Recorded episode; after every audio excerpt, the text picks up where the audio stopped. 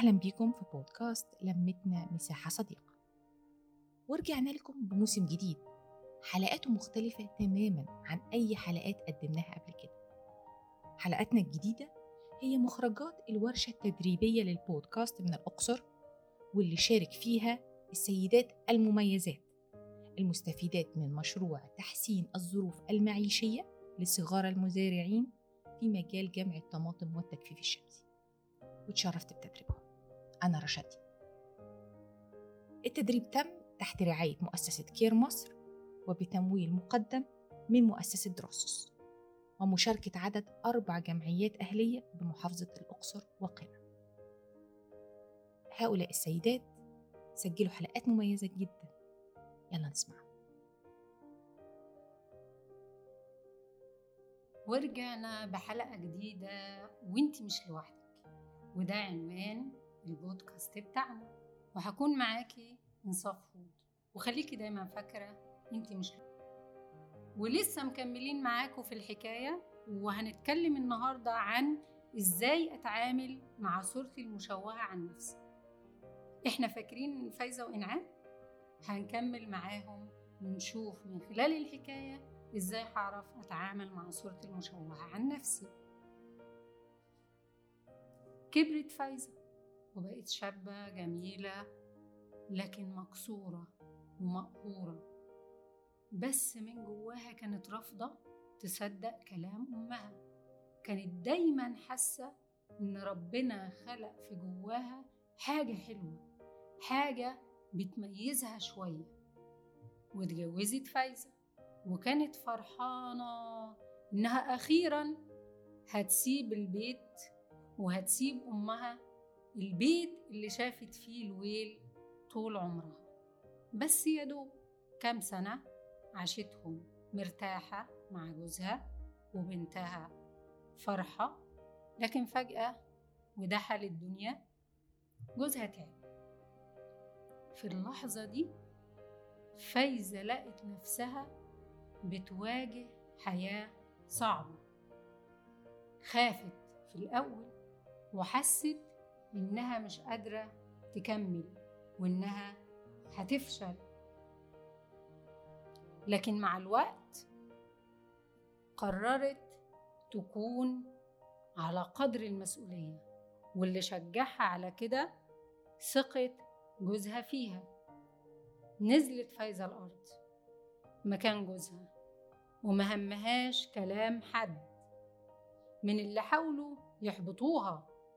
لما لقت نفسها بتسد وقد المسؤولية حست بقيمتها ورجعت لها من تاني ثقتها في نفسها وقررت فايزة في الوقت ده إنها تربي فرحة بنتها بطريقة غير اللي اتربت بيها. من هنا قررت إن هي تبدأ حياة مختلفة. وأدركت فايزة إن ربنا سبحانه وتعالى كرمها لما خلقها أنثى. ليه؟ لأنه الست هي اللي بتربي وتكبر وتطلع رجالة وتطلع بنات ينفعوا بلدهم ومجتمعهم. وكمان قررت حاجة تانية إن هي تكمل دراستها وتكمل في فصول محو الأمية. ليه؟ علشان تقدر تذاكر لفرحة دروسها وتحسن علاقتها وتتعلم أكتر فتفهم أكتر وأكتر. وتخلي بنتها أحسن وأحسن.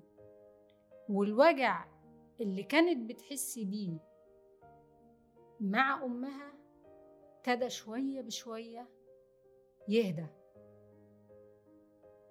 وده حصل كمان لما والدة فايزة كبرت في السن ابتدت صحتها تتأخر وابتدت تقعد عند فايزة شهر وعند إنعام شهر. الأم لاحظت إن بيت فايزة هادي ومليان حب وكمان شافت إنه في علاقة جميلة بتجمع ما بين فايزة وفرحة. على عكس علاقة إنعام ببنتها رحمة واللي هي النموذج لعلاقة إنعام بأمها. ساعتها أدركت الأم إن هي كانت غلطانة لما قسيت على بناتها زمان وشوية شوية قربت من فايزة أكتر وده خلى الخلاف مع فايزة مع الوقت يتحسن وخلى فايزة تحس بسلام تجاه أمها. أما إنعام مش مستحملة خدمة أمها الست اللي كبرت المسنة. كل ما كانت تيجي تخدمها تفتكر أيام ما كانت أمها بتضربها وتقسى عليها وتشتمها. ودايما كلام أمها القديم كان بيرن في ودنها. يا خايبة يا وش النحس يا غراب البين.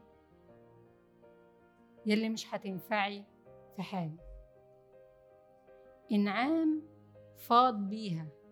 وجود أمها في بيتها بيخليها مش قادرة تتحمل ذكريات زمان. وكل شوية تطلع غضبها في بنتها المسكينة رحمة. بس جديد إنها بقت بعد ما تديها العلقة التمام لرحمة تروح وتاخدها في حضنها وتعيط معاها. كانت بتعيط هي كمان على حالها وعلى طفولتها اللي راحت. أكيد كلنا متشوقين نعرف إيه اللي هيحصل مع فايزة وإنعام وعلاقتهم ببناتهم وبأمهم. خليكم معانا وتابعونا في الحلقة اللي جاية. وخليكي دايما فاكرة انت مش لوحدك. شكرا لاستماعكم للحلقة دي من لمتنا مساحة صديقة. انتظرونا في حلقات جديدة وموسم مميز من بودكاست لمتنا كل المحبة مني أنا رشدي.